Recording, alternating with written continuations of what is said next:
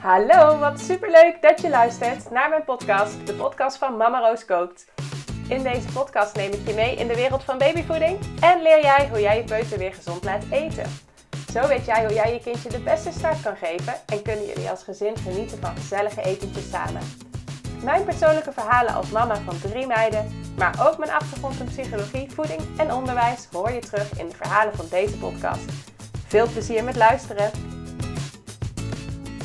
Vandaag het onderwerp gaat over eten op vakantie. Het is een vraag die ik eh, de laatste tijd heel vaak binnenkrijg.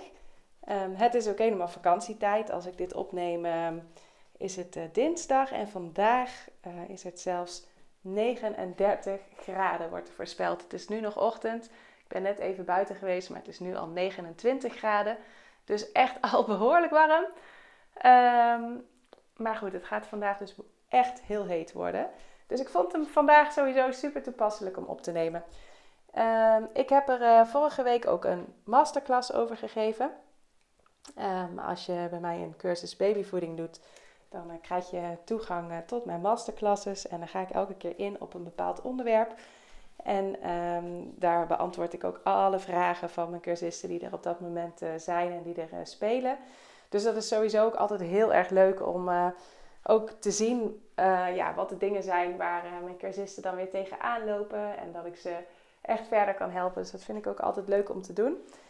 Um, en ik vraag ook altijd van, nou, welke onderwerpen vinden jullie fijn als ik behandel? En dit keer kreeg ik dus inderdaad meerdere malen de vraag van eten op vakantie. Dus ik dacht, nou, dat lijkt me dan een super goeie om eens op in te gaan.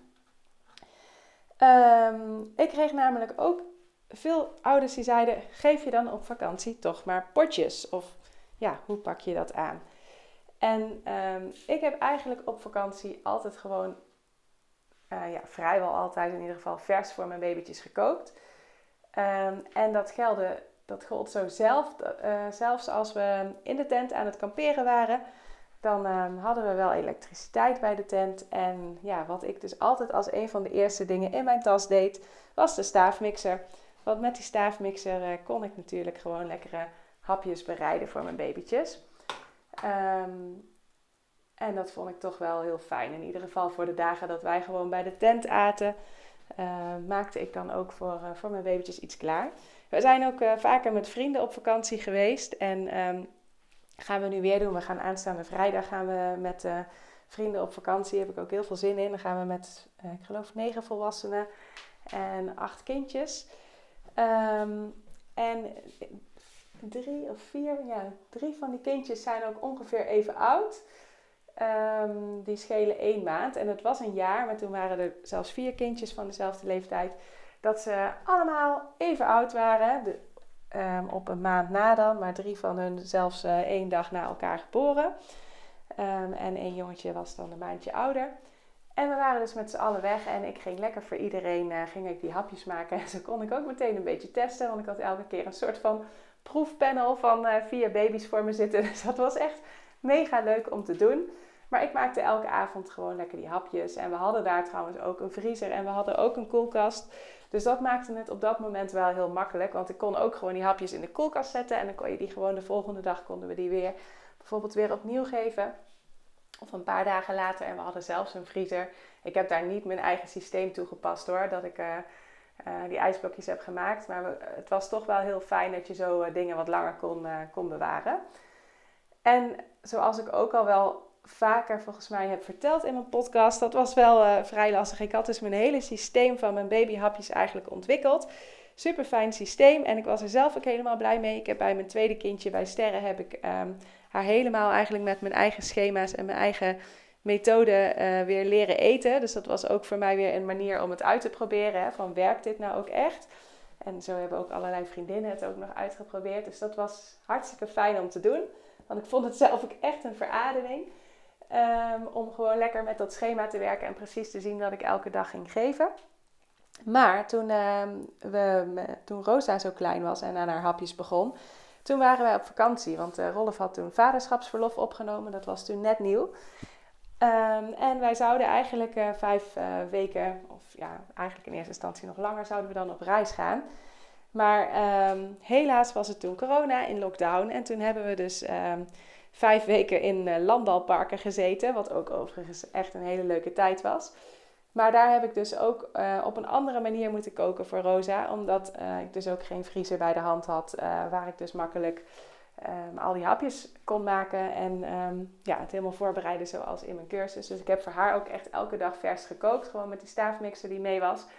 En dat ging ook prima. Alleen het was wel heel veel werk. Maar um, als we even kijken naar als je babytje nog geen zes maanden is. Dus tot zes maanden dan um, mag je ook best een keertje een dag overslaan. Omdat die, um, die babyhapjes eigenlijk nog niet per se van um, belang zijn. Ja, ze zijn wel belangrijk voor de smaakontwikkeling en om die kans op allergieën te verkleinen. Maar ze zijn nog niet belangrijk voor de voedingsbehoeften van je baby en voor hoeveel die binnen moet krijgen. Dus tot zes maanden, als je met je babytje op vakantie gaat, zou je er ook voor mogen kiezen om um, ja, de hapjes even tijdelijk over te slaan. Ik kan me voorstellen dat als je een weekend op vakantie gaat, dat je dat wat makkelijker doet dan wanneer je twee weken op vakantie gaat. Voor twee weken, als je al net lekker bent gestart en het gaat goed, is het wellicht wat zonde om weer uh, twee weken te starten. Of te stoppen, sorry. Maar het zou wel kunnen, omdat die hapjes dus nog niet uh, van belang zijn voor uh, de voedingsbehoeften en voor de ontwikkeling. Maar je kunt dus ook gewoon lekker um, je staafmixer meenemen en zelf aan de slag gaan. Um, ja, als je het dan in een koelkast wil bewaren, want dat is dan toch wel zo handig. Als je in een huisje op vakantie gaat, heb je natuurlijk altijd wel een koelkast. Dan kun je gewoon uh, een hapje drie dagen in de koelkast bewaren. Dus die kun je ook gewoon de dag later of twee dagen later kun je die gewoon alsnog weer geven. Dus dat maakt het wel iets makkelijker om, um, om het voor te bereiden. Uh, dus dan kook je bijvoorbeeld één dag. Je maakt met die staafmixer die je mee hebt genomen, maak je het hapje. En dan kun je de dag daarna en de dag daarna bijvoorbeeld nog mee doen. Um, maar als je een cool box hebt, dus als je bijvoorbeeld in de, uh, op de camping staat met een tent, wat wij uh, graag altijd doen op vakantie, dan heb je wellicht alleen een cool box. En een cool box die koelt veel minder sterk dan dat een cool kast dat doet.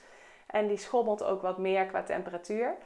Um, dus daar zou ik het hapje niet in willen bewaren. Dat kan best wel een paar uur, een uur of twaalf bijvoorbeeld. Maar ik zou dat niet uh, de volgende dag en al helemaal niet de hele dag daarna nog weer geven. Dus dat is um, in die zin is een coolbox wat onhandig. Dan ben je nog meer gebonden aan elke dag uh, vers koken.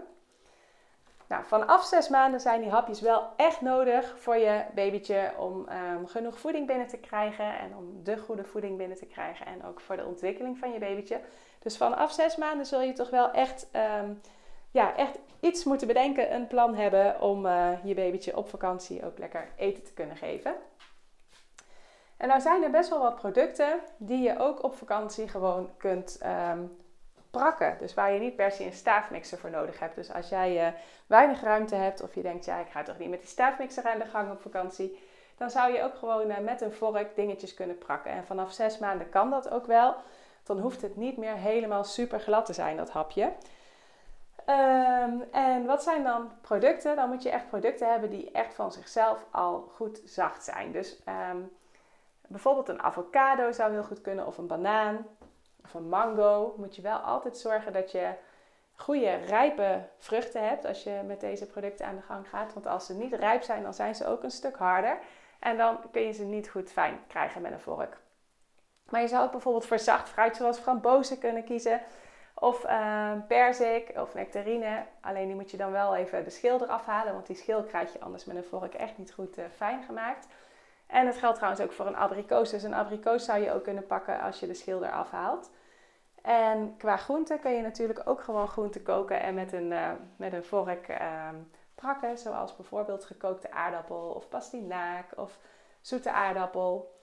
Uh, die kun je echt met een vork ook best wel goed glad krijgen. En als je iets meer structuur in je hapje ook nog oké vindt, dan kun je ook bijvoorbeeld bloemkool of broccoli of linzen of pasta of couscous of zo kun je ook uh, met een vork prakken.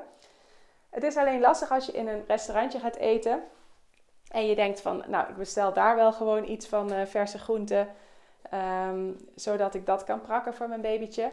Dan zit er vaak wel heel veel zout bij. En dat is echt nog niet goed voor een baby. Dus dat, um, ik zou niet eten uit een restaurant gebruiken, maar wel echt zorgen dat je het uh, zelf bereidt. Er zijn trouwens restaurants die babyhapjes op de kaart hebben staan.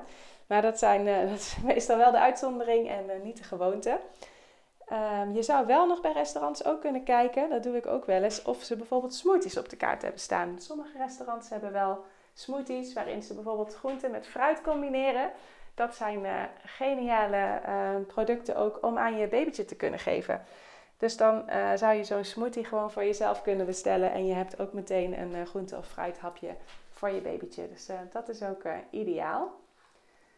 Um, nou, als je trouwens zo naar zo'n restaurantje gaat, zorg altijd ook dat je iets van een slabbetje in, de, in je tas hebt zitten.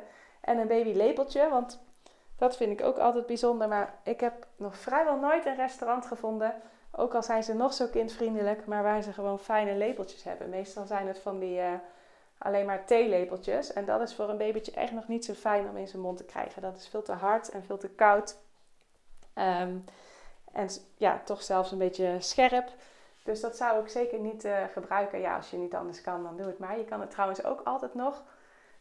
Um, als je babytje zo'n lepeltje niet wil, het, enige babytje, het ene babytje doet dat ook makkelijker dan het andere babytje natuurlijk. Uh, maar je kunt het ook zelfs met je pink bijvoorbeeld oplepelen. En dan je pink in de mond stoppen als je uh, anders gebrek hebt aan een goede lepel. Um, ja, dus zo kun je dat doen. En ik zou vooral inderdaad die vork gebruiken.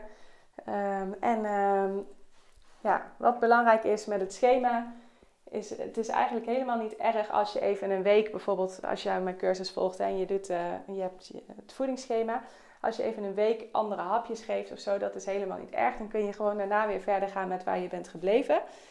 Um, sla vooral geen dingen over als je op het schema van tot zes maanden bent.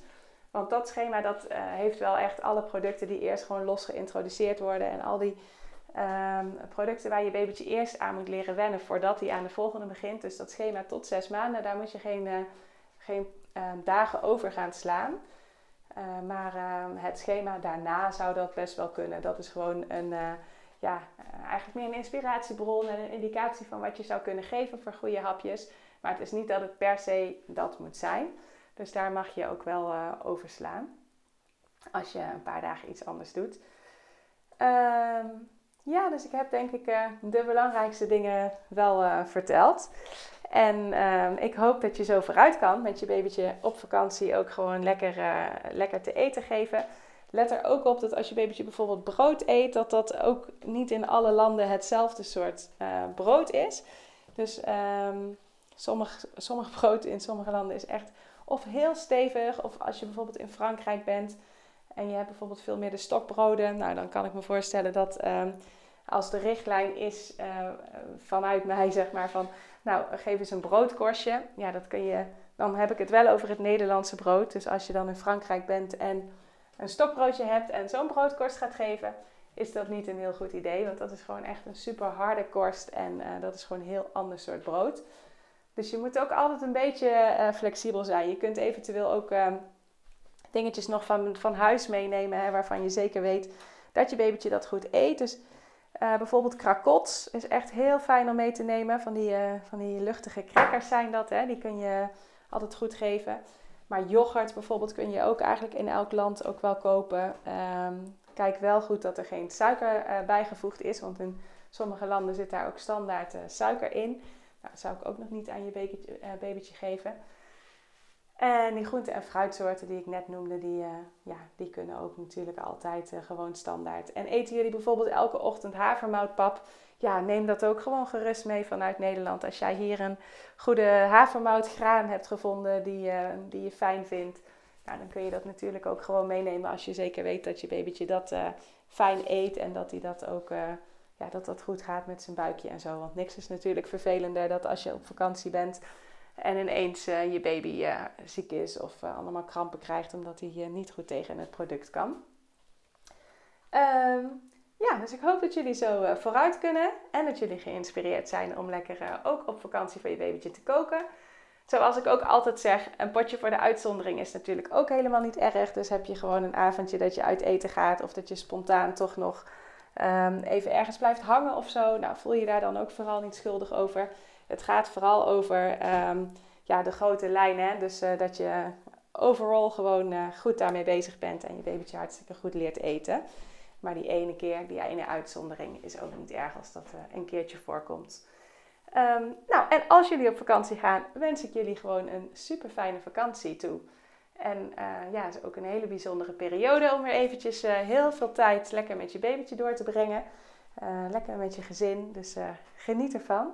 Wij gaan vrijdag dus vertrekken naar Drenthe en daarna gaan we nog een weekje naar de Moezel. en daarna gaan we nog een weekje naar Zuid-Frankrijk. Dus, nee, niet Zuid-Frankrijk, Zuid-Limburg. Um, maar hartstikke veel zin in heb ik daar. Gewoon lekker even quality time met, met het gezin. Dus geniet ervan en ehm, ik zie je in een volgende podcast graag weer. Doei doei, dankjewel voor het luisteren.